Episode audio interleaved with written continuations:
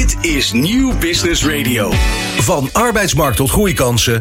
Van bedrijfscultuur tot innovatie. De Ondernemer. Live. Elke dinsdag van 11 tot 1. Live op Nieuw Business Radio. Met Remy Gieling. Ontzettend leuk je kijken en luisteren naar De Ondernemer Live. Met vandaag een speciale aflevering die geheel in het teken staat van kunstmatige intelligentie, oftewel AI. Je kunt immers geen krant of website meer openen of je leest iets over deze sleuteltechnologie.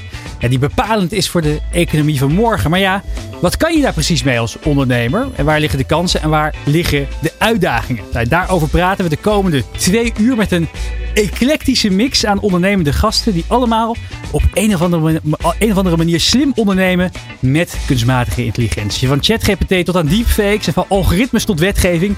Alles komt voorbij in de komende twee uur. En dat doe ik gelukkig niet alleen, maar samen met mijn zakelijke partner in crime, Job van den Berg. Goedemorgen Job. Goedemorgen. Ja, we kennen jou eigenlijk in deze ja, uitzendingen van De Ondernemer Live als data- en AI-expert van dienst. Maar ja, je bent ook samen met mij de drijvende kracht achter AI.nl. Wat doen we daar precies? Ja, ja, allereerst ontzettend tof om hier twee uur radio te maken over dit uh, onderwerp. En dit samen te hosten met uh, interessante gasten. Ja, bij AI.nl maken we de kansen van data en AI concreet en toepasbaar. En we bieden kennis en begeleiding om met data en AI aan de slag te gaan. Ja, waarbij we ons eigenlijk richten op twee toepassingen. Adoptie van AI op de korte termijn. Dus zo kun je morgen al als bedrijf tijd en kosten besparen. En AI-toepassing op de langere termijn. Dus dan kun je AI echt inzetten om je bedrijf toekomstbestendig te maken. En dat doen we ja, middels keynotes, uh, uh, interactieve strategie-sessies, adviestrajecten om het echt in de praktijk te brengen. Nou, voor onder andere Swinkels Family Brewers, Dura Vermeer, Keunen. Echt een bondgezelschap van verschillende klanten en, en opdrachtgevers. Ja, ik denk dat onze kracht een beetje zit om hele complexe materie helder en begrijpelijk te maken. En dat is ook wat we de komende twee uur gaan doen. We hebben ook een ja, reden dat we hier zitten. Dat ons nieuwe boekje is uitgekomen. Mag je heel kort promoten van Robert? Ik uh, hou me omhoog, dus de kijkers zullen hem nu zien. Ja, ons mooie boekje Kunstmatige Intelligentie in 60 minuten. Die ik vorige week uitkwam officieel in de winkels, maar ook uiteraard online te koop. Ja, en wat we eigenlijk gedaan hebben is onze kennis en ervaring in dat boekje verwerkt. Extraheren inderdaad. Om te zorgen dat iedereen die deze technologie wil begrijpen en benutten. middels dit boekje ja, daar eigenlijk een mooie kickstart op krijgt. En we nemen de lezer echt mee op, uh, op, op reis om AI beter te begrijpen. En ook de impact daarvan uh, op onze wereld uh, te verkennen. Ja, daar gaan we de komende twee uur over hebben. Samen met ruim 15 inspirerende gasten. Dus er is genoeg om te bespreken. We gaan snel van start. Van arbeidsmarkt tot groeikansen. Van bedrijfscultuur tot innovatie. De Ondernemer. Live. Elke dinsdag van 11 tot 1. Live op Nieuw Business Radio. Ja, heb je je ooit afgevraagd hoe data je besluitvormingsproces kan versnellen? Nou, onze volgende gast is een echte gamechanger op dit gebied. Hij maakt op maat gemaakte cursussen om bedrijven te helpen te navigeren door die weerwar van data en dashboarding. We weten de medeoprichter en CEO van Data Booster. Wouter Neef, van harte welkom. Dankjewel, Remy. Ja, leuk dat je er bent. Ook helemaal gekomen uit, uh, uit het, uh, uit het uh, verre Limburg. Dus ja. fijn dat je hier met ons op het Mediapark bent. Even kort voor de kijker en luisteraar. Ja, welk probleem lost jouw organisatie op voor jullie klanten? Nou, wat we zien bij veel grote organisaties is dat ja, de directie vindt het heel belangrijk. En ook bij kleine organisaties van dat ja, de beslissingen worden genomen gebaseerd op data. Maar dan zie je aan de andere kant dat de medewerkers ja, de skills, de, de, de kennis daarvan niet hebben. Dus wij helpen de medewerkers om ja, die vaardigheden te krijgen. Job? En ik herken dat, dat hoor je veel inderdaad in de markt. Dan heb je natuurlijk vaak de dataafdeling die zit en de businessafdeling toen ik jullie website bekeek, jullie gaan eigenlijk die brug slaan tussen data en business. Hoe, hoe doe je dat precies? Hoe zorg je ervoor dat die brug tussen dataspecialisten en de mensen, de accountmanager bijvoorbeeld of de marketeer, hoe, hoe, hoe, hoe slecht je die, die, die kloof tussen die teams? Nou, wat we allereerst heel belangrijk vinden is, is dat we iedereen vertellen van ja, data of AI, dat gaat jou niet vervangen. Dat gaat jou helpen bij jouw werk. Dus als je bijvoorbeeld met inkopers werkt, die moeten onderhandelen over, over de producten die ze inkopen. Dan zeggen van ja, de data die je daarbij krijgt, die helpt jou uh, in de onderhandelingen. Die data en die oplossing die gaan de onderhandeling iets voor jou doen.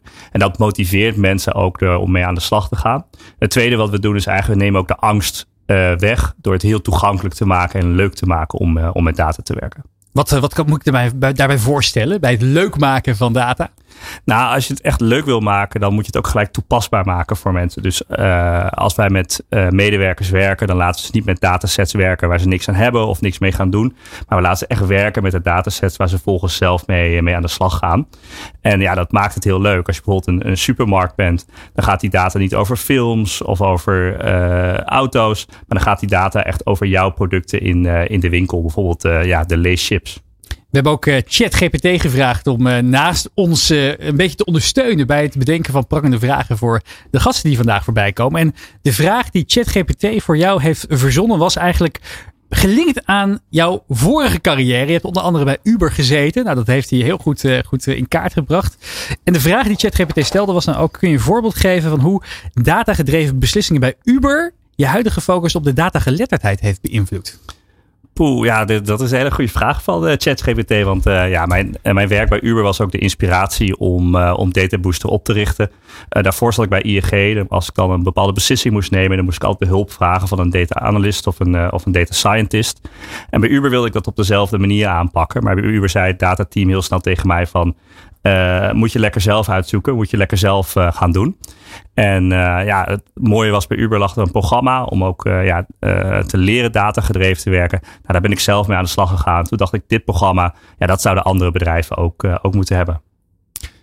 En je zijn al een tijdje bezig daarmee. Jullie past al toe. Nou, inderdaad, een aantal klanten benoemde je al eventjes. Heb je ook al bewijs wat het oplevert omzet of uh, betere klanttevredenheid? Want veel ondernemers die luisteren ook al benieuwd van ja, what's in it for me? Heb jij concrete resultaten die, die te bereik zijn doordat ze jullie tool hebben gebruikt? Ja, nou, er zijn al sowieso algemene onderzoeken. Hè? Inderdaad, wat je noemt, hoge klanttevredenheid, uh, gelukkige medewerkers, uh, betere operationele processen. Nou, wij meten dat zelf ook. Hè. We zijn een, een, bedrijf dat andere organisaties helpt met datagedreven werken. Dus we meten dat zelf ook van nou, hoe populair zijn nu de trainingen die we doen. Maar ook wat zijn nou de skills die mensen aanleren. Maar ook op een hoger niveau worden nou beter en, en snellere beslissingen gemaakt. Uh, ja, dan zie je voorbeelden dat organisaties daarin, daarin echt vooruit gaan. Uh, en daar 20 tot 30 procent uh, meer voor elkaar krijgen. Hoe, urgentie bij al die klanten. Want jullie hebben er een prachtig portfolio. Ook denk ik mede door je netwerk van ING, Uber, Bol. Maar hoe zorg je ervoor hè, dat ook bij, bij nieuwe klanten die urgentie voelbaar is? Ja, dat is om, om dicht bij het geld, uh, geld te gaan zitten. Dus als je bijvoorbeeld over inkopers hebt, ja, dat gaat over, over hoge bedragen. En ja, als je dicht bij het geld zit, dan, dan kan je ook de pijn laten voelen als iets, als iets niet groot gaat. Uh, en wat we doen is, we hebben uh, kort geleden ook een assessment tool gelanceerd. En met die assessment kun je jezelf ook benchmarken ten opzichte van andere organisaties. Dus stel, je hebt bijvoorbeeld een, uh, een Just Eat Takeaway. Dan kan je je benchmarken tegen Booking.com. En als je ziet dat Booking.com veel beter is in experimenteren. Ja, dan gaat er bij jou ook een, ook een belletje rinkelen van ja, oeh, dat is wel een techbedrijf. Daar willen we ons mee meten. Dus we moeten hiermee mee aan de slag.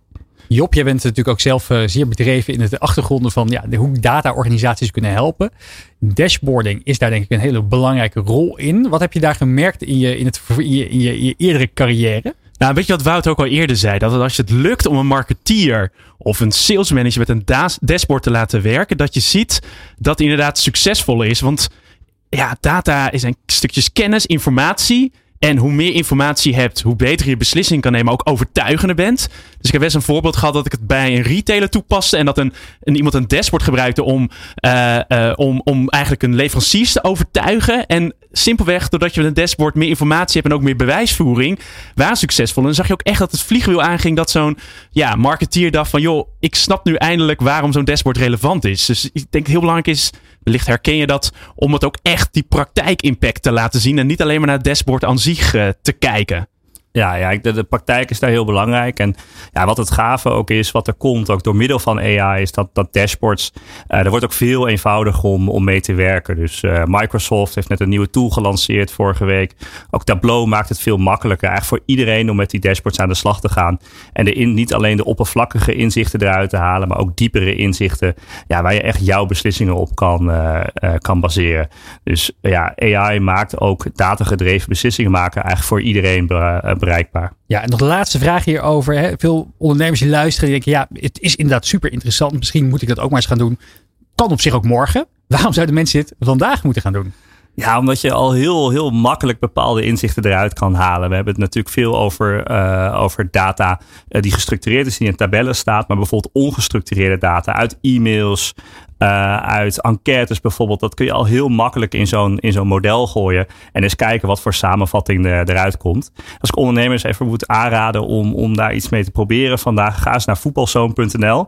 Kopieer alle reacties over Johnny Heitinga. En vraag ChatGPT of Johnny Heitinga moet blijven of niet. En dan ja, kijk dan morgen of dat uh, daadwerkelijk uit gaat komen. Mooi voorbeeld. Uh, en uh, ja, wil je nou ook leren of je medewerkers leren om meer data gedreven te werken? Kijk dan op de site van Data Booster. Wouter Neef, dankjewel voor je komst. Graag gedaan. Dit is De Ondernemer live op Nieuw Business Radio. Kunstmatige intelligentie ja, lijkt soms magie, maar onder de motorkap gaat er een weerwar van data en statistiek aan vooraf. En dat is eigenlijk allemaal dankzij heel erg veel mensenhanden. Want die data ja, die moet ergens vandaan komen. Maar ja, hoe zorg je ervoor dat die machines effectief kunnen leren van die data? Nou, daar helpen de experts van onze volgende gast bij. Ja, vanuit Zuid-Afrika leidt het bedrijf Enlabeler. Esther Hoogstad, welkom. Goedemorgen. Ja, goedemorgen. Leuk, leuk dat je er bent. Even kort voor uh, de kijker en luisteraar. Uh, de elevator pitch. Uh, wat doet Enlabeler? Ja, ja, nee, leuk om hier te zijn. Um, ik ben ondernemer CEO van Enlabeler. Wij werken voor internationale klanten en helpen hun AI-modellen te verbeteren. AI-modellen moeten getraind worden met veel data, zoals we net hoorden. En deze datasets moeten goed voorbereid, georganiseerd en gelabeld worden.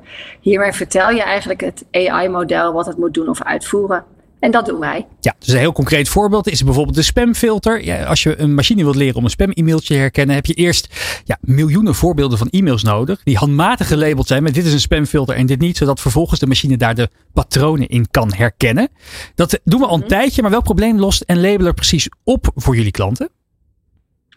Um, nou, wat je merkt is dat, uh, dat de data-experts binnen bedrijven uh, veel tijd kwijt zijn met het labelen en het organiseren van die datasets. Het is heel uh, kostbaar werk en het kost ja, veel tijd waar ze zich vaak niet mee bezig willen houden. En wij kunnen die datasets heel snel annoteren of labelen. Om een voorbeeld te geven, wij werken voor een bedrijf dat paprika sorteermachines levert in Nederland. En de AI-modellen die de machines aansturen, kunnen vroegtijdig de defecte paprika's eruit uh, halen of eruit pikken. En dat komt omdat wij met onze workforce dan heel veel beelden, duizenden beelden van paprika's, defect en goed en verschillende klasses van kwaliteit gelabeld hebben. En deze trainingsdata is dan gebruikt om die machines te trainen. Nou, laatste vraag, want we gaan er razendsnel doorheen. Maar er zijn heel veel bedrijven die zich inderdaad richten op het labelen van data. Als je gaat zoeken, dan vind je ze in binnen- en buitenland. Wat maakt jullie nou uniek? Waarom zouden bedrijven en organisaties met een labeler in zee mogen gaan?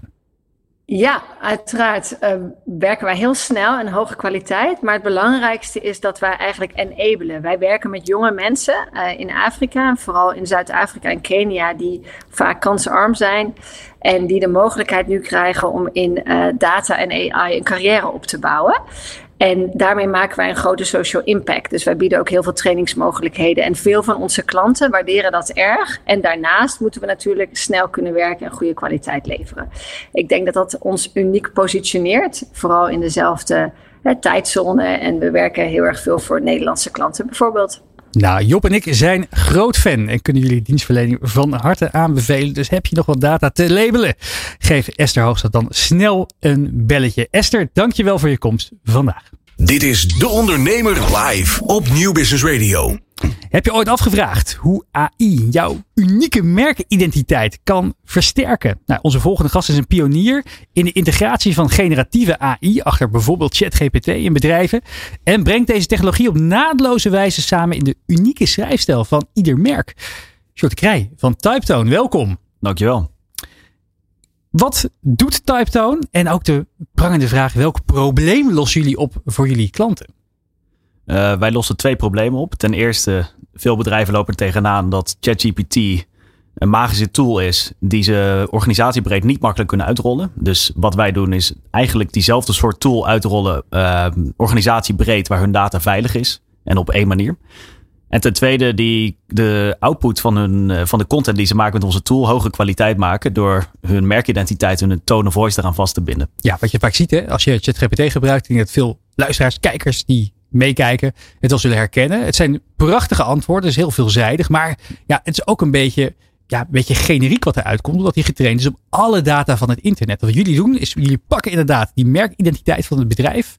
Exact. En dan kijken wat voor kennis zit er in die organisaties en wat voor ja, schrijfstijl gebruiken ze. En kunnen dat nu heel goed matchen uh, met deze technologie. Zeg ik dat goed? Ja, dat klopt helemaal. Dus het maken van content op schaal op lagere kwaliteit is gigantisch makkelijk nu met generative AI. Maar het hele moeilijke daarin zit die kwaliteit omhoog brengen en dat doen wij. Ja, Job? Kun je aan Jip Janneke uitleggen uh, hoe je dat precies doet? Want heel veel ondernemers horen wel over taalmodellen. En er wordt veel over gesproken. En misschien kan jij het in Jip Janneke uit, taal uitleggen hoe jullie dat dan precies doen. Die merkidentiteit of in die tone of voice de juiste content uh, produceren. Jazeker. Um, mijn co-founder en ik hebben allebei een data science achtergrond. Dus wij wisten, uh, een paar jaar geleden zijn we al begonnen met het bouwen van applicaties op de GPT-2, toen de tijd nog API. Uh, maar wat je kan doen met die modellen is je kan ze trainen, fine-tunen op uh, datasets van jouw organisatie. En op het moment dat jij gewoon ChatGPT gebruikt, dan kan je natuurlijk slim prompten. Ze juist de opdracht geven om een bepaalde manier te laten schrijven. Maar om echt goede kwaliteit content in jouw tone of voice terug te krijgen, moet je model uh, trainen op je eigen datasets. En dat is wat wij doen voor, uh, voor bedrijven. Dus eigenlijk geef je heel veel informatie aan het algoritme. En die leert eigenlijk door kennis, door te lezen, door te leren. Eigenlijk leert hij een nieuwe taal, om het zo maar te zeggen. Ja, de taal van het merk. We geven ze eigenlijk, nou, nog iets concreter misschien. We geven ze voorbeelden van teksten waarvan de bedrijven zeggen: dit is goede kwaliteit door mensen geschreven tekst. En laat het model dat vervolgens nabootsen. En daar distilleren we vervolgens die tone of voice uit. We hebben ook ChatGPT uiteraard gevraagd om naast de kennis van Job en mezelf een vraag voor jou te bedenken op basis van wat hij op jullie site is tegengekomen. En een van de vragen die ChatGPT bedacht uh, gaat als volgt. Hoe gaat Typetone om met creatieve aspecten van het schrijven die vaak worden gezien als uniek menselijk? Dat is een hele leuke vraag. Want de vraag gaat eigenlijk een beetje terug naar wat is creativiteit nou precies? Ja, en, een filosofische discussie bijna. Bijna wel, ja. Um, ik denk dat het stukje creatieve, creatief schrijven zal blijven bestaan. Dus um, wat nu nog echt een mens-eigen eigenschap is, is bepaalde connecties in je hersenen maken waarop je op een creatieve manier dingen kan creëren. Ja, um, totaal. Kan... Je, je denkt aan een olifant en aan een, uh, aan, een, uh, aan een luchtballon en je kan iets nieuws creëren. Ja, ja. precies. AI kan creatief zijn in die zin dat hij connecties kan maken waar je als mens niet snel aan zou denken. Maar het is uiteindelijk toch het herkennen van patronen en daaruit nieuwe dingen maken. Dus um, terug op jouw vraag is het creatieve deel van het werk zal blijven bestaan. Het, juist het makkelijkere deel, het, het saaie, repetitieve, dat is wat we automatiseren. Dus denk aan misschien bij een column uh, zal een AI daar nu, nu nog niet voor geschikt zijn, maar bij het maken van een producttekst of branded content wel. Wat me afvroeg is, uh, er komt de EU AI Act. Daar gaan we het later in de uitzending trouwens nog over hebben. De wetgeving omtrent uh, AI. Daar wordt het onder andere verplicht, naar alle waarschijnlijkheid, dat je verplicht moet melden als je met een bot bijvoorbeeld praat. Dus als een antwoord gegenereerd is door een, door robot of door AI. Ik zat te denken, wordt daarmee niet de charme van jullie tool een beetje om zeep uh, geholpen? Want ik kan me voorstellen dat jullie tool juist lijkt alsof een mens dit heeft geproduceerd. Of dat het van vlees en bloed geproduceerd is. En dan moet je dat dan gaan vermelden. Zie je dat ook? Ik denk dat het in eerste instantie niet zo'n groot probleem, niet groot probleem is, omdat bij veel teksten, um, als je kijkt naar een, een SEO-tekst, een, tekst die rankt op Google, dat het uh, hele doel is om, het, uh, om mensen goed te helpen. Dus Google kijkt ook naar, hey, helpt deze tekst mensen goed, informeert het, hebben ze er wat aan gehad? En of dat nou door AI is geschreven of niet, dat maakt mensen eigenlijk niet uit. En ook al is, en als dat in de tone of voice is van een bepaald merk, bijvoorbeeld een Wekamp versus een Coolblue, dan, en als er onderaan de streep uh, staat: dit is geschreven door AI, zal het mensen niet uitmaken, want ze hebben alle informatie die ze nodig hebben. Dus ik denk dat bij de meeste toepassingen waar onze tool voor wordt gebruikt, dat het geen probleem zal zijn. Want jullie lossen denk ik misschien vooral een productiviteit of een, dat je meer tijd bestaat. Want staat voor mij ook op jullie website ook tien keer uw productiviteit met Typetone. Kun je, is dat vooral ja. jullie, het business issue wat jullie willen oplossen? Ja, echt het automatiseren van uh, saaie, repetitieve taken is precies wat wij oplossen. Dus wij denken dat een heel groot deel van het, het, het werk van uh, eigenlijk blue-collar medewerkers uh, geautomatiseerd kan worden, het saaie deel. En dat, da dat het daar ook niet heel erg zal zijn als mensen zien, dit is door AI geschreven. Op het moment dat, dat je een column leest omdat je een bepaalde schrijver of columnist heel interessant vindt, dan zal je dat waarschijnlijk niet leuk vinden, maar dat zal ook niet door AI overgenomen worden. Dus dat is geen probleem, denk ik. Je werkt voor ontzettend mooie merken. Ik zie op de site staan Wekamp, Hema, Talpa, Mediahuis, AWB. Wat zijn nou concrete dingen waar ze jullie tool voor toepassen? Um, waar kunnen we aan denken? Verschilt gigantisch per sector waar ze in zitten. Dus we hebben het over, over mediabedrijven, eh, waar overigens vooral individuen en freelancers onze tool gebruiken. Waar bij andere grote e-commerce partijen Ehm, het gaat om echt op content op schaal. En wat bedoel ik daarmee? Productteksten voor e-commerce. Dat is een zeer laag hangend vooruit. Voor niemand leuk om te maken. Nee. En dat zijn er tienduizenden per maand. We hebben nieuwe, nieuwe lichten, li- we hebben een nieuwe ja, lightbulb uitgevonden die je kleur kan geven. Schrijf maar eens eventjes vier alinea's over de prachtige aspecten van, eh, van, dit, van, de, van dit lampje wat we, wat, we, wat we nu aan het verkopen zijn op Amazon.com. Ja. Dit soort voorbeelden. Ja, dat, dat is echt laag hangend vooruit. Dat is waar je eigenlijk, dan zeggen we tien keer zo snel. Maar je kan eigenlijk zeggen dat eh, een tekst van 90 minuten naar 2 seconden gaat. Dus ja, je hebt het echt voor je ziet op de 99%. site staan inderdaad de 95% snellere content creëren. Dat gaat vooral over dit soort ja, Ja. eenvoudige Ja. beschrijvingen. Je- Maar je kan het ook hebben. Je kan ook kijken naar bijvoorbeeld een branded content op een, op een nieuwswebsite. Waar eh, toch iets, iets meer longform, hoge kwaliteit content is. Waar je wel de tone of voice van het merk wil terug, eh, terug laten komen. Ehm, waar het misschien gaat van. Laten we zeggen, een- een halve dag eraan werken naar een uur. Omdat er wel geredigeerd moet worden van. hey, staan we hier volledig achter? Ja. Nu zeggen Job en ik wel altijd, hè, ChatGPT en die taalmodellen zijn geen zoekmachine in de basis. Het is een taalassistent die je kan helpen bij taalklusjes. En door het feit dat, het, ja, dat de antwoorden die die genereert eh, zijn gebaseerd op wiskunde en statistiek en niet op ja, sec feitelijke informatie, kan het wel zijn dat die eh feit en fictie door elkaar haalt. Zogeheten hallucineren van die algoritmes. En daarom zijn sommige mensen ook heel erg bang om te gebruiken. Want die zeggen, ja, ik weet niet of het klopt wat daar staat. Hoe gaan jullie daarmee om? Tweeledig. Ehm, stap 1 is eigenlijk dat we altijd zeggen: doe your own research. Ik denk dat dat ook belangrijk blijft. Ehm, dat was hiervoor ook zo. ja, Namelijk, gewoon common sense. Je, je wilt toch weten als je iets publiceert of het klopt of niet. Dat weet Ja. je toch zelf. Dat is toch niet iets wat je aan een, eh, aan een, aan een, aan een stagiair overlaat. Sowieso, dat is een beetje de analogie die wij vaak maken. ja, het, het, het hele verschil is denk ik dat je nu, maar, nu op schaal. Mensen zijn natuurlijk van nature lui. En mensen kunnen op schaal nog makkelijker eh, hun taken automatiseren. Waar je eerst, als je bijvoorbeeld een, een tekst schreef voor je website, eerst in ieder geval een Google search deed. Ehm, en daar kan ook slechte of misinformatie staan. Ehm, maar dan was in ieder geval nog een menselijk aspect. En nu is dat deel kan je ook overslaan met het eh, large language model.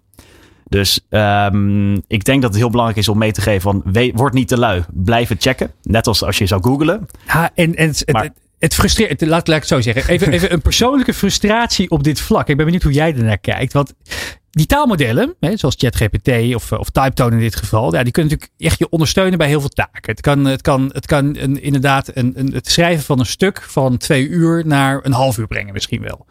Alleen, ja, het vraagt nog steeds een beetje input van jezelf. Dus het is geen 100% vervanging van jou als persoon. Maar misschien wel 30, 40%, misschien wel meer. En mensen die verwachten, ja, we hebben nu deze soort van magische tool. En oh ja, omdat die niet 100% mijn werken overnemen, ga ik het maar niet gebruiken. Terwijl je kan ook, gewoon Met je ja of nee, zeg maar. freaking blij zijn Ja. met je 30, 40% Ja. tijdbesparing. Hoe kijk jij hiernaar? Ja, eh, eh, dat is zonde. Want er zit gigantische waarde in alleen al writersblok overwinnen bijvoorbeeld. Of de outline van een artikel kunnen laten schrijven. Of eh, denk aan een groot e-commerce merk wat FAQ's heeft op productinformatie. Dat is wel weer wat we in die kastenmodellen stoppen. Dus niet alleen die tone of voice, maar Ja. ook kennis over het bedrijf zelf. Zodat je zeker weet dat als we dit een customer service laten zien, dat ze echt eh, de data van hun bedrijf alles. Je, je- moet het zien als een alleswetende stagiair. Zo noem jij het Ja. volgens mij vaak. Ja, de, de superstagiair. De AI superstagiair die je gaat helpen. Die meer van je bedrijf niet- weet dan je CEO. Ja, precies. Ja, mooi, mooie vergelijking. Ja, en dan vraag je daarop voort, eh voortborduren. Geven jullie ook dan cursussen, eh, een soort van kijkje onder de motorkap? Want eigenlijk moet je wel goed begrijpen, inderdaad, wat Remy al zei. Het is geen zoekmachine, het is een taalmodel. Geven jullie ook echt toelichting over hoe het model werkt onder de motorkap in Jip Janneke taal, zodat ze ook beter begrip hebben wat het wel en niet kan? Ehm, we zijn nu wel een, een soort studietak, cursustak aan het opri- op, eh, opzetten. Dat doen we met verschillende partners waar we mee, in gesprek zijn. Eh, nu is, gaat dat nog per, eh, per enterprise klant. Waar we wel echt een cursus geven van hey, zo werkt het. Je hoeft je geen zorgen te maken. Ehm, eh, mocht er verkeerde informatie staan, dan tunen we het model zo dat hij geen dingen gaat hallucineren. Dus dat doen we zeker. Ja, het is heel belangrijk dat bedrijven begrijpen wat dit voor hen kan betekenen, maar ook snappen hoe de tech werkt. Ja. En wat is jullie droomklant? Je hebt natuurlijk waarschijnlijk meerdere droomklanten, maar heb je één klant waar je denkt van daar zou ik heel graag voor aan de slag willen gaan met mijn team? Nou, als je het hebt over merkidentiteit, dan, eh, dan denk je wel snel aan een merk als Nike bijvoorbeeld, die die merkblueprint eindeloos hebben uitgeschreven. En dat in je model stoppen en daarmee de perfecte eh, perfecte hoogkwaliteit content door AI te laten genereren. Dat zou heel mooi zijn. En is dat mogelijk? Gelukkig zit het hoofdkantoor, het Europese hoofdkantoor van Nike hier in Ja, Hilversum. Dus ik zou zeggen, ga zo Ga straks meteen even langs. dan langs met een grote Goed idee. type tone. Nou, we kunnen hier nog uren over doorpraten. Maar wil je inderdaad ook die mogelijkheden van generatieve AI inzetten op schaal. Met je eigen custom tone of voice. Maar ook nog eens dat heel veel mensen ervan kunnen gebruiken op een veilige manier. Neem dan vooral een kijkje op de site van typetone.ai. Shorty Krij, hartelijk dank voor je komst vandaag. Dank jullie wel. De Ondernemer. Live op Nieuw Business Radio. Ja, de voedselvoorziening in Nederland, ja, die staat natuurlijk lichtelijk onder druk, zouden we wel kunnen zeggen. Dus hoe kunnen we nou voedsel efficiënter produceren met minder verspilling? En onze volgende gast is erop gericht om de landbouw- en voedselindustrie te veranderen met behulp van data en AI. Hij maakt het ingewikkelder eenvoudig, zodat elk bedrijf kan pro- profiteren van deze technologie. Guus van Heiningen van Peaks Data, welkom in de uitzending. Goedemorgen, dankjewel. Leuk dat je er bent. Hey, en voor de kijker en luisteraar, ja, wat doet Peaks Data en welk probleem proberen jullie op te lossen als organisatie voor jullie klanten? Ja, met Peaks Data zijn wij een, eh, een team aan softwareontwikkelaars. Dus wij ont- ontwikkelen AI-software voor de eh, tuinbouwsector.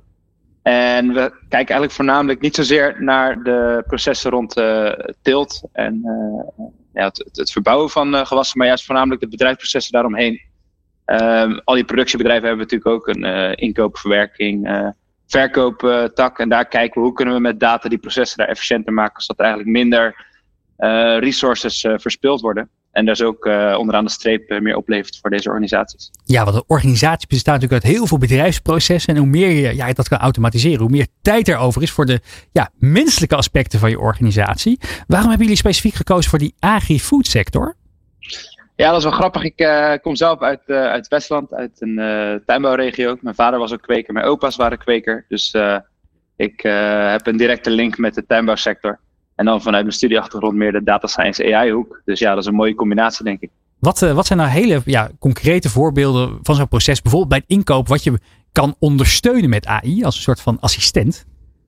Ja, dus eh, wat je nu ziet is dat die processen vaak nog nou, natuurlijk door, door mensen gedaan worden. Die proberen een, een inschatting te maken van hoeveel gaan wij nou, bijvoorbeeld eh, als je kijkt naar een import-exportbedrijf, hoeveel gaan wij de komende weken verkopen aan onze, aan onze klanten. Het gaat natuurlijk om producten die kort houdbaar zijn. Dus er, moet, er, kan maar, er kan maar beperkt vooruitgekeken worden. Hoe gaan we nou zorgen dat we genoeg op de plank hebben liggen om al onze klanten te voorzien, maar niet zoveel dat we weer de helft weg moeten gooien. Dat is nu allemaal nog heel erg een menselijk proces. En daar kijken we dus hoe kunnen we daar met, met data en, en dus voorspellingen eh, dat proces verbeteren. Zodat we eigenlijk met behulp van nou ja, eh, onze modellen die inkoper die niet weg zal gaan, die, maar vooral eh, ondersteunen. Hoe kunnen we die nou ondersteunen om de beslissing te maken om de juiste nou ja, hoeveelheden in te kopen. Eh, zodat hij genoeg heeft eh, voor zijn klanten en niet te veel weg te gooien. Ja, de laatste vraag komt van eh, ChatGPT. Die wilde ook graag het volgende weten van jullie organisatie. Hoe kijken jullie naar AI en die agri-food sector in relatie tot duurzaamheid? Ja, dat is een, dat is een mooie vraag. Ehm, kijk, het mooie van, van, van, van AI is dat eigenlijk toestaat om nou ja, processen die al, die al lange tijd bestaan in deze sector, om die eigenlijk nog eens onder de loep te nemen en te kijken wat kunnen we nou hier eh, efficiënter aan doen en beter aan doen met alle data die er is. Ehm, en dan gaat het niet alleen om het verbeteren van nou ja, de, de onderaan de streep, de, de, eh, de, winst van een bedrijf, maar ook daadwerkelijk, hoe kunnen we daadwerkelijk dan ook eh, die keten efficiënter maken. En daar komt eigenlijk het stukje duurzaamheid direct al in terug. Als we zorgen dat die processen gewoon efficiënt zijn ingericht, dan zorgen we ook dat er gewoon minder waste ontstaat. Dus dat gaat eigenlijk hand in hand. Dankjewel, Guus van Heiningen van Peaks Data. Dit is De Ondernemer live op Nieuw Business Radio. Wil je jouw data omzetten in krachtige visuele beelden die jouw doelgroep echt aanspreken en tot actie aanzetten? Nou ja, onze volgende gast, Esther Rookhuizen, die weet daar alles vanaf. Ze is de creatieve geest en drijvende kracht achter Jaaf Design. Ze weet precies hoe je informatie visueel op de juiste manier kan presenteren, zodat het echt aankomt bij je doelgroep. Esther, leuk dat je er bent. Dankjewel, leuk dat te zijn. Ja, die rol van ja, design en data, hoe, ben je, hoe is dat op je pad gekomen? Eh, dat is, eh, ik denk acht jaar geleden ongeveer eh, op mijn pad gekomen. Ik heb dit bedrijf nu 13 jaar. We waren allround designbureau. Ik kwam alleen zelf in een tijdcrunch met een heleboel informatie die ik tot me moest nemen. Dus ik ben het gaan uittekenen. Ehm, nou ja, dat was een studie die ik wilde doen. In plaats van vijf jaar uh, in anderhalf jaar heb gedaan. Uh, door de vakken uit te tekenen en de verbanden te zoeken tussen de vakken. En toen dacht ik eigenlijk, nou, uh, als het voor mij werkt. Ik ben geen genie. maar dat kan dan wel eens iets zijn voor anderen. Want ik kan me het heel goed voorstellen dat als je het een beetje tot de verbeelding van die ondernemer wil laten spreken. Die hebben te maken met misschien wel honderden spreadsheets met allemaal getalletjes. Ja. Waar je naar kijkt. Dan zie je misschien af en toe een, cijfertje in het rood staan of in het groen. Ja. Maar ja, wat dat nou echt betekent. En ook in een relatie tot de historie. Ja, dat is vaak ja, heel, heel abstract. En mensen zijn niet zo goed in, het interpreteren van die cijfers. Jullie maken eigenlijk ja, de, de, de, conclusies van die cijfers heel visueel zichtbaar. Zodat je echt als, ja, ook als, als data leek snapt wat er staat. Ja. ja, dat is een uh, gat wat wij nog wel eigenlijk vaak tegenkomen. Uh, de data wordt vaak gecreëerd door nou, super intelligente data scientists. mensen die echt expert zijn op het vakgebied. alleen dat stukje communicatie naar mensen die dat niet zijn. Daar hebben ze vaak minder kennis van. En nou, dat is precies het stukje wat wij, wat wij opvangen. door middel van vooral visualisatie, want dat werkt gewoon goed en snel. Jullie doen veel meer dan alleen maar dashboards natuurlijk als een van de mogelijkheden. Maar toch even het linkje, omdat Wouter van Databoost de eerste gast was. Even jouw mening. Hoe, hoe zorg je nou voor dat zo'n marketeer, sales manager, die toch wat minder met data hebben, om even te generaliseren, toch naar zo'n dashboard gaat kijken? Wat is de golden formule? Hoe, hoe zorg je ervoor dat zij denkt, ik wil weer naar dat dashboard gaan kijken? Ja, ja dat vinden wij uh, per definitie een heel leuk vraagstuk. Want wat wij vaak zien is dat er te veel informatie wordt geboden. Uh, dat is eigenlijk de basis waarom dingen niet overkomen. Uh, dus als jij als data scientist of als uh, problem owner uh, een, een, nou ja, jouw idee duidelijk wil maken, ga dan kijken naar je eindgebruiker. Hoeveel informatie kan hij tot zich nemen? Hoe druk is hij? Wat is zijn kennisniveau? En op basis daarvan ga je de informatievoorziening aanpassen. Uh, we hebben dit een tijdje geleden voor de Efteling mogen doen. die hebben extreem veel data. en wilden dit data, die data data gestuurd laten zijn. dus de operatie moest gaan handelen aan de hand van de data die zij hadden verzameld. Um, nou, dat werkte niet helemaal. Dus wij hebben een workshop gedaan van twee dagen met de data scientisten. Uh, om ze hands-on te laten zien hoe ga je nou met je informatie om. En hoe breng je dat op zo'n manier dat iemand die er niks van snapt uh, aan de datakant wel snapt wat je wil zeggen. Uh, en vaak zit het in versimpelen. En wat was het resultaat bij de Efteling specifiek? Heb je daar een voorbeeld van? Want dan, waarschijnlijk jullie dit daarna presenteren aan de business teams, om het even zo te zeggen. Ja. Zag je ook echt dan die die, die, dat enthousiasme ontstaan? Zeker, zeker. Die um, uh, data science team waarvoor wij die workshop hebben gegeven, die zijn ermee aan de slag gegaan. Uh, die hebben echt hele grote veranderingen aan hun dashboard gebracht. Uh, die hebben we ook tussentijds een paar keer bekeken. waarbij ze eigenlijk nog ja, veel meer hun doel dienden. Omdat de eindgebruiker gewoon veel beter begreep wat ze wilden delen. Dus op de werkvloer zag je een verandering in gedrag. Uh, doordat hun data beter beschikbaar werd gemaakt. Ik heb ondertussen ook even de site van Jaaf erbij gepakt. En de kijkers van de livestream, die kunnen waarschijnlijk zien ja, wat voor mooie visuals jullie allemaal creëren. Voor andere partijen als de FIFA. Hoe komen die partijen allemaal bij jullie? Want je hebt een heel mooi klantportfolio. Ja, klopt. Dat, dat is toch eigenlijk wel uh, voornamelijk uit uh, persoonlijk netwerk. Um, en ik denk door gewoon goed te doen wat je aanbiedt, uh, dan, dan blijf je ook uh, bij deze klanten. En die bevelen je ook weer aan. Want de FIFA hebben we gekregen via de UEFA. Dus we begonnen bij de UEFA en vervolgens meegenomen naar de FIFA. Nou, je ziet op die manier dat er een kruisbestuiving bestaat. Maar we doen ook heel veel voor overheid. Uh, eigenlijk voor allerlei verschillende groepen werken wij. Want het communicatieprobleem is gelijk. of het nou een profit, non-profit, dat maakt niet uit. Wat is nou iets wat, waar veel bedrijven de mist mee ingaan als het gaat over die, van, van, van, de, van het data visualiseren? Als ze eerste stappen ermee zetten. Ja. Uh, nou, ik denk sowieso, als je de eerste stappen gaat zetten, dan uh, ben je sowieso een goed, uh, goed eind op weg. nou ja, wat ik net al even aangaf, is wat je vaak ziet gebeuren, is dat mensen te veel informatie gaan, gaan delen. En versimpelen is echt heel moeilijk. En dat wordt vaak, vaak onderschat. Um, dus, dus dat is wat wij vaak zien gebeuren als het dan misgaat. Maar ik ben in het begin al heel blij als mensen er überhaupt mee gaan starten. Beetje kill your darlings, denk ik. Ja, ja maximaal. Wat ik, inderdaad, als je naar jullie website kijkt en naar jullie propositie hoor, lijkt wel dat jullie een beetje de twee hersenhelften met elkaar combineren. Weet je, de data is natuurlijk vaak rationeel, blauw, uh, design meer geel, creatief. Ja. Is ook jouw samenstelling van je team zo dat er geel en blauw en uh, of juist door elkaar gemengd? Wat, hoe ziet jouw team eruit qua qua dat soort uh, kenmerken van, uh, van vaardigheden. Ja, ja, leuk dat je dat opvalt. Dat is uh, iets waar ik echt gericht op let. we hebben bijvoorbeeld een hele goede datadesigner in ons team. Dat, zij was een engineer. die is omgeschoold tot, tot vormgever, tot designer. Dat werkt gewoon supergoed. Ik heb zelf ook een iets andere achtergrond. Ook grafisch vormgever, maar ook bijvoorbeeld commerciële economie. Um, en zo zie je dat ons team is opgebouwd uit niet alleen maar super creatieve, maar juist ook dat analytische stuk. Want, want om die twee doelgroepen samen te kunnen laten gaan, moet je van beide wat afweten. En wij zitten iets meer aan de creatieve kant. En de product owners, de, de data scientists zitten meer aan die blauwe kant. Uh, maar je moet, je moet elkaar wel een klein beetje verstaan om, uh, om die brug te kunnen slaan. Ja, het is moeilijk om je, je, je, je, je, je favoriete kindjes te kiezen natuurlijk. Want je hebt zoveel mooie dingen gemaakt. Maar als je even één project zou mogen pakken waar je echt heel erg trots op bent. Wat zou het dan zijn en wat heb je daarvoor gecreëerd? Ja, er schieten meerdere projecten door mijn hoofd nu. Maar uh, ik denk uh, helemaal gezien dit onderwerp uh, dat wij vorig jaar een heel mooi project voor de FIFA hebben mogen opleveren. Waarbij er een rapport moest gegenereerd worden. Maar bij de FIFA moet bijna alles in vier talen. Frans, Duits, Engels, Nederlands. En ehm, ze hebben enorm veel data. er moesten rapporten voor elk, bijna elk land gegenereerd worden. Dus dan, wij zaten met 211 rapporten. En in totaal hadden we 36.874 pagina's. Er werd ons gevraagd dat te maken. Nou, reken maar uit. Volgens mij zouden we er zeven jaar mee bezig zijn en uh, anderhalve miljoen uh, euro verder. Dat ging niet. Uh, dus toen hebben wij samenwerking gezocht met developers en gekeken hoe wij het konden automatiseren. op die manier konden wij ons richten op wat wij leuk vinden. dus kijken hoe je de data moet presenteren, welk verhaal zit erin. En konden wij automatiseren dat al die pagina's gegenereerd werden. Uh, dat is een hele mooie tool geworden. Die bieden wij nu ook aan met bijvoorbeeld een combinatie met ChatGTP erin. Dus dat je teksten uh, automatisch geënhanced kunnen worden of vertaald. Uh, scheelt heel veel mensenwerk. zodat we kunnen blijven focussen op daar naar waar computers ons nu nog niet in verslaan in ieder geval. De creativiteit. Heb je misschien ook een voorbeeld uh, als, we, als we het heel dicht bij die ondernemer brengen? Hè? Stel je voor, ik ben een. Uh, ik heb een, uh, ik heb een, een, een, een toeleverancier voor, voor, voor groentewinkels. En ik heb een enorm spreadsheet met al mijn, alle, alle, alle, alle appels en peren en, en mandarijnen die we verkopen naar nou, verschillende, verschillende klanten. Hoe en ik kom bij jou van, ja, ik wil eigenlijk dit graag visueel hebben. Dat al mijn medewerkers snappen ja, wat we eigenlijk doen op, op, op weekbasis en ja. waar de trends zitten. Ja. Hoe gaat jouw ja, hoe gaat jouw denkproces dan ja.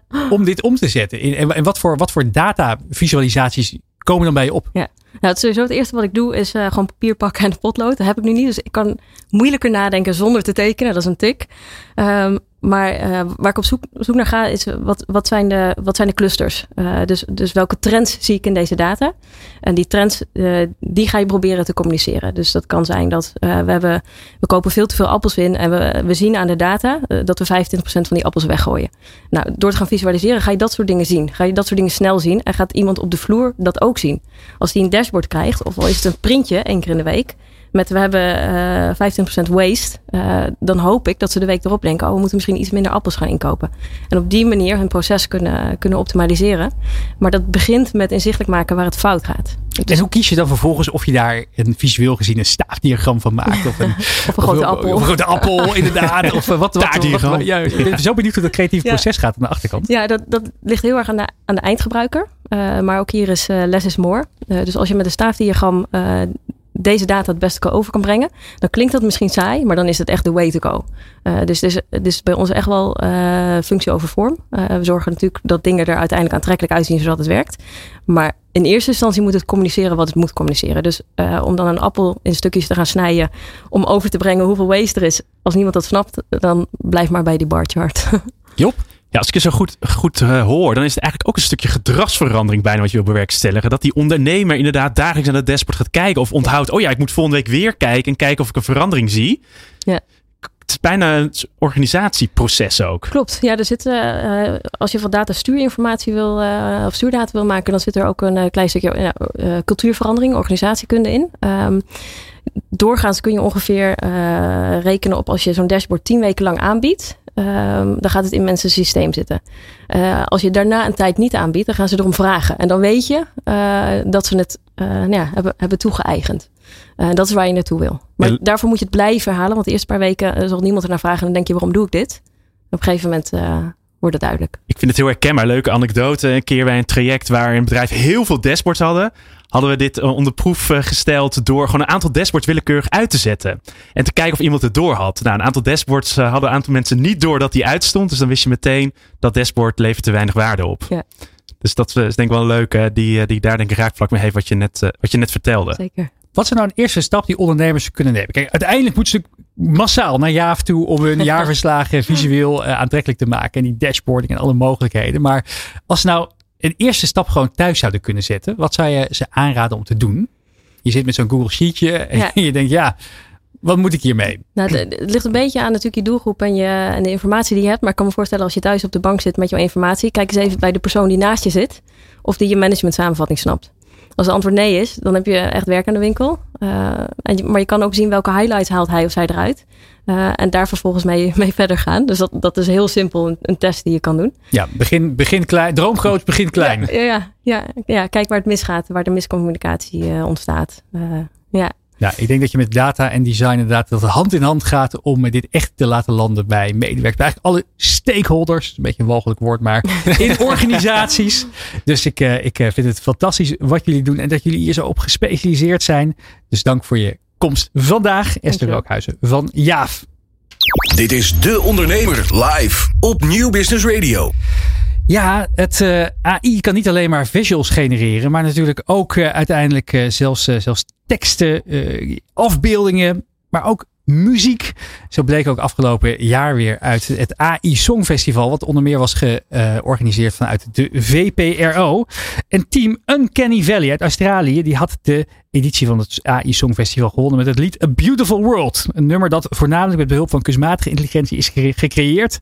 Het lied heeft een unieke Australische twist, omdat het is getraind met geluiden van Australische dieren. En het brengt een positieve boodschap van natuurherstel naar verwoestende bosbranden met zich mee. Het nummer werd door zowel het publiek als een panel van AI-experts hoog gewaardeerd. Hoewel de experts eigenlijk de hoogste score gaven aan de Duitse inzending. Maar de overwinning wordt gezien als een belangrijke stap in de erkenning van AI als een creatief hulpmiddel voor de toekomst. Douze point van de jury. We gaan even luisteren naar een stuk uit A, Beau- of, eh, A Beautiful the World van het team Uncanny Valley. Wat de winnaar was van het AI Songfestival. Flying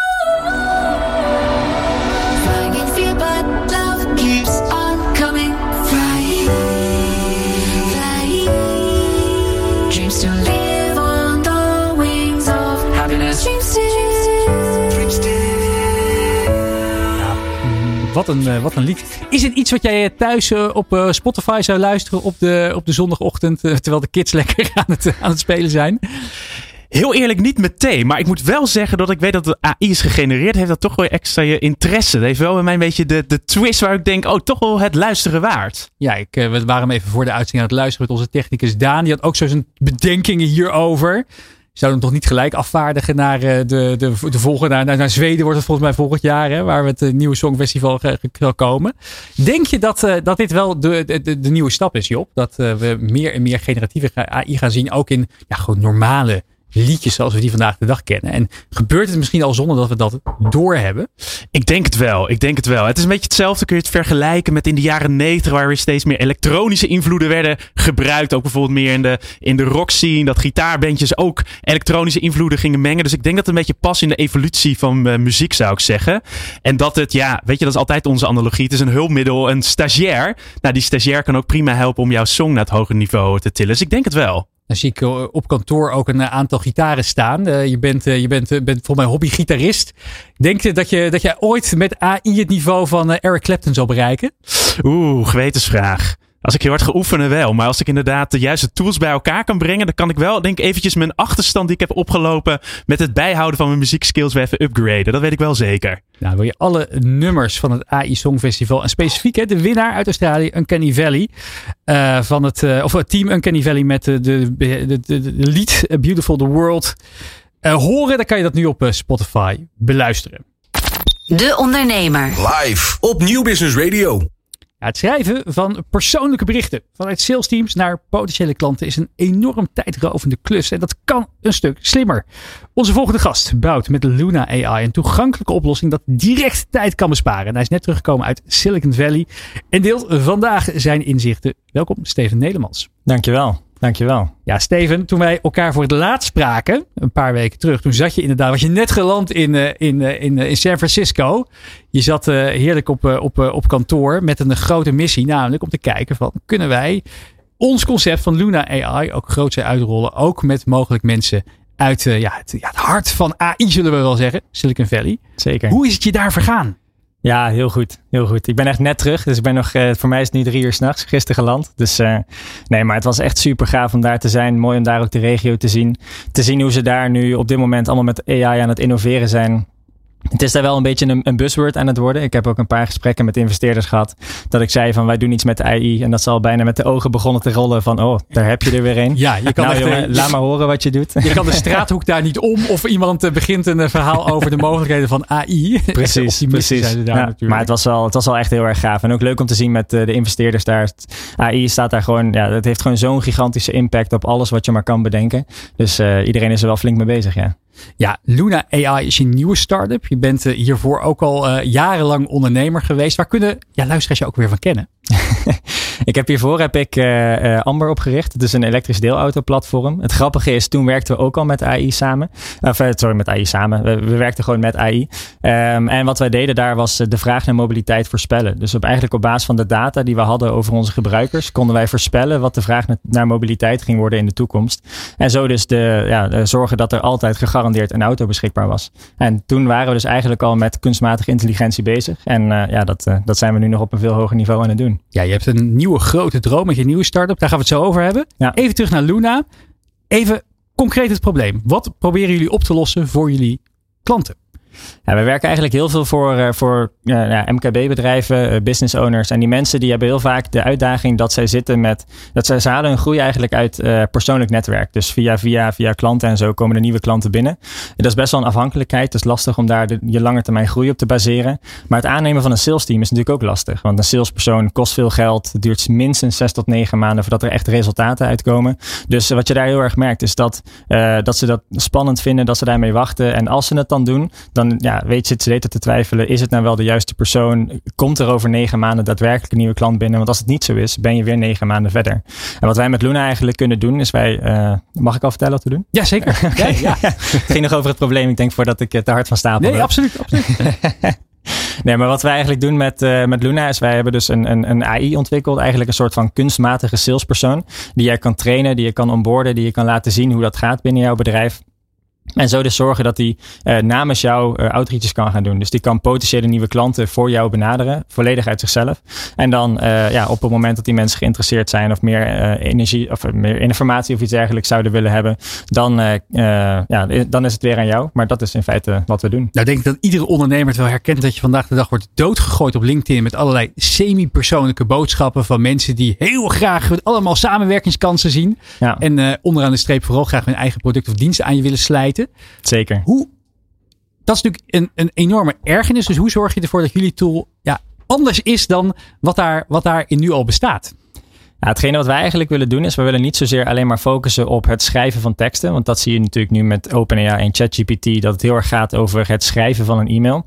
Maar wij willen veel verder gaan dan dat. Want het feit dat als ik jou als potentiële klant zou willen hebben, dan ga ik niet alleen maar kijken hoe kan ik de beste, eh, beste e-mail sturen. Maar daar gaat ook een heel proces aan vooraf. Is Remy wel de juiste klant voor mij? Om welke reden is, welke problemen zou ik voor Remy kunnen oplossen? Wat is het juiste moment om contact op te nemen? Misschien ben jij nu bezig met een heel ander proces. eh, of eh, heb ik net gezien dat jij een, een, een nieuwe investeringsronde hebt opgehaald. Dus er gaan eigenlijk heel veel andere dingen vooraf aan het moment dat je daadwerkelijk een e-mail gaat sturen. En daarmee kijken wij met Luna eigenlijk veel breder dan dat. Dus het gaat ons echt om de timing, om de targeting en daarna pas ook daadwerkelijk om het schrijven van de e-mail. Ja, en eigenlijk in plaats van schieten met hagel ga je veel gerichter de outreach doen. Job? Ik kan me voorstellen dat je daar heel veel data voor nodig hebt om dat AI-model daarop te, te trainen. Kun je Jip Janneke taal uitleggen aan de ondernemers die luisteren hoe jullie ervoor zorgen inderdaad dat, die juist, dat AI-model de juiste tone of voice heeft, heeft en de juiste producten aanbiedt, et cetera, et cetera. Ja, zeker. Ja, wat eh, het leuke was toen wij net begonnen waren met, eh, met Luna, toen eh, hadden we natuurlijk inderdaad heel veel data nodig. Dus eh, ik heb zelf heb ik voor, voor Amber en andere bedrijven ook veel sales gedaan. Dus de, de eerste tienduizenden e-mails die wij hebben gebruikt om ons model te trainen, heb ik allemaal zelf zitten schrijven. Ja, dat was Oh, goed. dat was dat, ambachtelijke werk. ja, precies. Toen- ja, dat was, eh, zeg maar, je denkt van oké, dit wordt uiteindelijk allemaal geautomatiseerd. Maar ja, dat was, dat was natuurlijk verschrikkelijk om te doen. Maar het was voor een, voor een goed doel. Ja, het leuke is, we sturen nu zeg maar 5, 6, 7000 e-mails per dag op dit moment door onze gebruikers die ook handmatig allemaal aanpassingen doen. De e-mails zo eh, ombouwen dat het ook daadwerkelijk eh, naar hun eigen voorkeuren geschreven wordt. Eh, we hebben ook, we, we meten alle inkomende e-mails. Dus op het moment dat jij een e-mail uitstuurt en er komt een reactie op, wordt er ook een, ja, een sentimentanalyse op gedaan, zoals dat dan heet. Dus dat houdt eigenlijk in van er wordt gekeken van hey, is deze persoon enthousiast of totaal niet? Mist die informatie? En zo hebben we ook continu gewoon eigenlijk een soort van feedback loop waar er wordt gekeken van Hoe had deze e-mail nog beter gekund?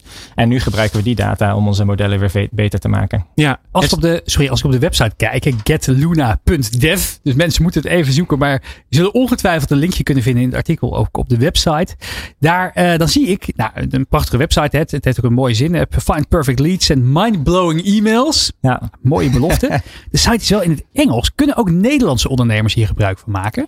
Zeker. Ja, wij hebben, omdat we natuurlijk met AI werken, hebben wij, eh, hebben wij alle modellen getraind in 42 verschillende talen. Dus onze gebruikers zitten ook daadwerkelijk over de hele wereld heen. Dus zelfs als ze in Oezbekistan zitten, kunnen jullie nog gepersonaliseerde sales e-mails uitsturen. Zeker, zeker. Ja, ja, dat is ook wel grappig. Ja, we hadden, in het begin hadden we Nederlands en Engels en toen kwam Spaans erbij en Italiaans. Dus ook werd, waren dat een beetje aan het uitbreiden. Maar toen kregen we aanvragen voor Hebreeuws en voor eh Thais en voor eh, alles wat je eigenlijk maar kan bedenken. Dus nu op dit moment is Luna dus ook beschikbaar in 42 verschillende talen. Wat goed. En een vraagje stel, hè. Je bent, ik ben een ondernemer en ik eh, heb nog niet zoveel klanten. Ik ben nog niet zo bekend. Hoe kun je ook die type ondernemers helpen? Zeg maar die echt in de lead gen, het genereren van, van aandacht of überhaupt bekendmaken, awareness zoals het mooi heet, dus zorgen dat mensen je leren kennen. Is dan jullie tool ook geschikt? Want dan heb je natuurlijk ook beperkte data om dat AI-model te trainen wellicht. Ja, dan is het eigenlijk juist, eh, juist heel erg geschikt. Het, mooie is als je kijkt naar ondernemers, natuurlijk hoe, hoe bekender en groter je bent, hoe meer andere kanalen je kan gebruiken om je bedrijf te laten groeien. Ehm, op het moment dat je net begonnen bent of dat je eigenlijk aan het begin staat van je bedrijf, dan is e-mail een heel erg, eh, interessant, ehm, heel erg interessant medium. En wat wij eigenlijk nodig hebben, het enige wat we nodig hebben is jouw, eh, je website. Want dan vervolgens gaat Luna automatisch, trekt je hele website leeg, nieuwsartikelen, blogartikelen, kijkt eigenlijk overal op internet waar er maar informatie over jou of over jouw bedrijf te vinden is. Combineert dat allemaal, gaat dan continu ook zichzelf vragen stellen van hey, waarom is deze informatie interessant? Waarom is deze informatie interessant? En zo gaat het model eigenlijk binnen een paar seconden tijd, leert alles wat er te, te weten is over jou en wat er nodig is. En gebruikt dat dan vervolgens om de e-mails te schrijven. Ja, Job en ik, die hebben het altijd in de keynotes die we geven over AI, maar ook in de adviestrajecten over eigenlijk twee routes die je kan bewandelen als ondernemer. Enerzijds de korte termijn AI-adoptie van nou, bestaande tools die je gewoon helpen slimmer, beter, efficiënter te werken. Tools zoals Luna, hele mooie, mooi voorbeeld, maar ook over de lange termijn transformatie. Hoe kan AI ervoor zorgen dat je het bedrijf van de toekomst gaat bouwen? Jullie zijn niet alleen bezig met die praktische tool, maar hebben ook zelf een grote, ja, onverschrokken doel voor de toekomst. Jullie willen namelijk met een heel klein team iets heel groots gaan bereiken. Wat kan je daarover vertellen? Ja, zeker. Nou, wat, wij, eh, wat wij willen doen. Kijk, we zijn natuurlijk nu heel erg aan het focussen op het automatiseren van een sales team. Eh, wij hebben hetzelfde, hetzelfde issue natuurlijk. Als, als bedrijf zijn, als beginnend bedrijf zijnde. Wij moeten ook een commerciële organisatie op gaan zetten. Ja, wij hebben eh, misschien al nog minder middelen op dit moment om te investeren in, eh, in, in sales teams en dat soort dingen. Dus daarom zijn we onze eigen, eigen AI aan het bouwen. Maar datzelfde geldt natuurlijk voor onze support. We hebben een softwareplatform, krijgen veel vragen op support. Moeten veel marketingactiviteiten doen. Er moet veel software worden geschreven. En wij hebben onszelf eigenlijk de ambitie opgelegd om eh, voor iedereen die we aan willen nemen, dat we eerst gaan kijken van kunnen wij het automatiseren door middel van AI. En dan daarna pas, eh, daarna pas ook daadwerkelijk eh, mensen aan te gaan nemen. Eigenlijk wel heel erg de picnic-filosofie. Hè? Van de mensen ondersteunen de algoritmes in plaats van andersom. Exact, exact. En daarmee werk je dus uiteindelijk toe naar een technologie. dus eigenlijk een, een verzameling van verschillende AI employees, medewerkers, om het zo maar even te zeggen.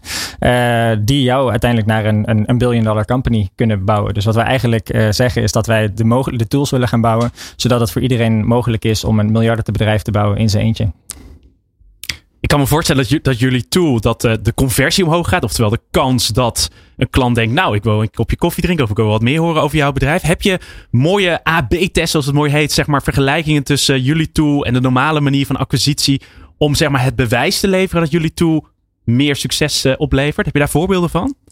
Ja, zeker. Ja, het, is heel erg afhankelijk per industrie, zeg maar, hoe goed het geschikt is voor, voor cold outreach. Eh, sommige sommige eh, mensen zijn er meer ontvankelijk voor dan anderen. Maar wat we nu zien is dat je een drie tot vijf keer meer reacties krijgt. Meer positieve reacties en meer klantgesprekken en dergelijke. Met onze tool ten opzichte van gewoon een, een, een, normale cold email eh, blast. Dus waarbij je een template bericht is gestuurd naar duizend mensen, zeg maar. Als je dat dan vervolgens door Luna laat doen, dat Luna rekening houdt met wie ga je precies benaderen, op welk moment en met welke tekst, zodat het meteen duidelijk is eh, wat je uiteindelijk een toegevoegde waarde is. Dat we nu al drie tot vijf keer meer resultaten kunnen eh, bieden. En we zijn eigenlijk pas net begonnen. Wie eh, is je absolute droomklant? Wie, als je je eigen tool gaat inzetten om één specifieke klant proberen binnen te hengelen. Wie zou dat dan zijn? Poeh, dat is een, dat is een hele goede vraag. Dat is een hele goede vraag. Ik denk dat, dat, dat mijn ideale droomklant zou zijn, ja, e- eigenlijk gewoon OpenAI zelf. Dat, eh, wij, wij, wij hebben een paar keer gesproken met het, eh, met het sales team van OpenAI. Eh, ja, het zou heel erg vet zijn als we hun uiteindelijk kunnen overtuigen om onze technologie te gebruiken. Want dat is natuurlijk wel, eigenlijk wat wij tegen iedereen zeggen, is dat e-mails laten schrijven door ChatGPT, dan krijg je een heel algemeen verhaal. Dan krijg je eigenlijk elke e-mail die hetzelfde is, omdat je verder geen inputs en dergelijke hebt. Eh, als wij het, het sales team van OpenAI kunnen overtuigen om met, met Luna te gaan werken in plaats van met ChatGPT, dan, dan ben ik wel aardig tevreden. Toevallig waren we op onze AI-reis vorig jaar, november, bij de Head of Sales van OpenAI onder meer. Dus wellicht is daar nog een linkje te maken. Dat doen we na de perfect. uitzending. Steven Nederlands van Luna, dankjewel voor je komst vandaag. Dankjewel. Dit is De Ondernemer live op Nieuw Business Radio. AI is niet alleen hyperrelevant voor sales teams, maar ook marketeers kunnen de mogelijkheden van data en slimme algoritmes benutten om beter en efficiënter te werken. Alleen er zijn zoveel tools dat het lastig is te bepalen welke je het beste moet gebruiken in welke situatie. De Nederlandse start-up Billy Grace heeft de oplossing voor de belangrijkste toepassing. Die combineert hij namelijk in één product. En aan de lijn is medeoprichter Mitch Voskuilen van Billy Grace. Goedemorgen nog Mitch. Goedemorgen. Ja, ontzettend leuk dat je er bent. Hey, even kort over Billy Grace, de elevator pitch. Ja, wat doen jullie en welk probleem lossen jullie op voor jullie klanten? Ja, zeker. Ja, wij hebben eh, AI ontwikkeld. eh, inderdaad, wat je al even aankondigt voor online marketeers, maar met name ook voor agencies. eh, om het rendement eigenlijk te verhogen op je marketing euro minder tijd. Dat is eigenlijk in het, in het kort wat we doen. Daarmee lossen we eigenlijk twee problemen, denk ik, op die marketeers dagelijks ervaren. En dat start eigenlijk allemaal met het, met het meten van marketingdata. Ik denk dat dat een, eh, een complexe taak is eh, vandaag de dag. Zeker het meten gezien de prijsreguleringen die zijn toegenomen. Ehm, eigenlijk allemaal verschillende updates die in marketinglandschappen eh, hebben plaatsgevonden. Dat begint eigenlijk allemaal met het meten. Hè. Je doet heel veel in verschillende kanalen. Maar je wil altijd weten waar komt nou uiteindelijk die conversie vandaan. Of wat gebeurt er nou uiteindelijk met mijn marketing euro. En daar ook een bepaalde waarde aan toekennen. Nou, daar zijn, daar zijn veel ontwikkelingen geweest. Dat, dat is één probleem wat we oplossen. Tegelijkertijd, wat wij heel veel zien, is dat marketeers in heel veel verschillende tabbladen zitten werken. Heel veel verschillende kanalen. Eigenlijk eh, eh, dat het onoverzichtelijk is voor een marketeer om de juiste keuzes te maken. Nou, dat brengen wij terug naar, naar één platform waar een AI je eigenlijk helpt op dagelijkse basis om, eh, om de juiste keuzes te kunnen maken. Ja, ChatGPT, die hebben het ook even gevraagd. Die wilde heel graag van jullie weten. Wat maakt Billy Grace nou onvergelijkbaar met de concurrentie? Wat is jullie unique selling point? Ja, dat is eigenlijk ehm, wat je al even aankondigt. Wij brengen eigenlijk verschillende problematieken, of eigenlijk eh, hoe wij het zien, verschillende oplossingen binnen één product samen. Waardoor we eigenlijk gedurende het hele online marketingproces eh, aanwezig zijn. Eh, dus het is niet slechts één AI, maar het zijn meerdere AI's binnen, binnen één product. En ik denk dat dat de kwaliteit is wat ons onderscheidt op dit moment. Hey, ik las in een van, jullie, van jouw interviews, daar opperde je organiseer AI-speurtochten. Zou je dat kunnen duiden? Mooi. Mooi. Ja, nee, ik denk dat eh, wat, waar wij heel erg sterk in geloven, is eigenlijk dat AI juist samenwerkt met een mens. Ik heb al eens eerder de vergelijking gemaakt. Hè, zie AI echt als een collega. Nou, wellicht hebben mensen, eh, hebben jullie het hier v- vanochtend in de uitzending ook over gehad. ChatGPT, Midjourney en andere systemen. En wat je zelf wellicht ook ervaart, is dat je best wel tijd moet stoppen in die systemen om er beter mee te worden. Die, die systemen ook betere output te laten genereren.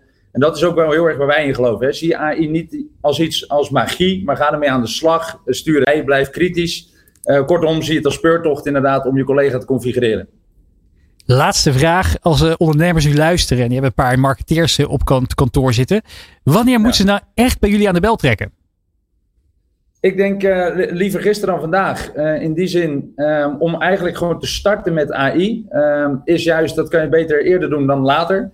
Je wil die collega vandaag in huis halen om je te helpen met juist het, het kunnen meten van je marketinginspanningen, het kunnen attribueren van je inspanningen en eigenlijk dus betere keuzes te maken. Wat de marketeers echt in staat stelt om juist weer terug te gaan naar creativiteit en strategie.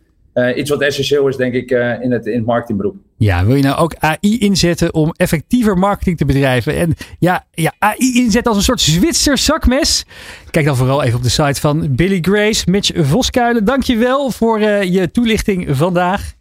En wij gaan alweer naar de Break to Job. Over een paar minuten zijn we terug met uur 2 van de Ondernemer Live AI. Waarin we nog meer ja, ondernemers spreken over de ja, ongelooflijke hoeveelheid mogelijkheden. En gaan we eventjes de, de kijker en luisteraar meenemen in de mogelijkheden van generatieve AI. Wat kan je nou doen met Midjourney, ChatGPT en andere tools om onder andere audio te genereren? We hebben wat voorbeelden meegenomen. Ik kijk ernaar uit. Van arbeidsmarkt tot groeikansen. Van Van bedrijfscultuur tot innovatie. De Ondernemer. Live. Elke dinsdag van 11 tot 1. Live op Nieuw Business Radio.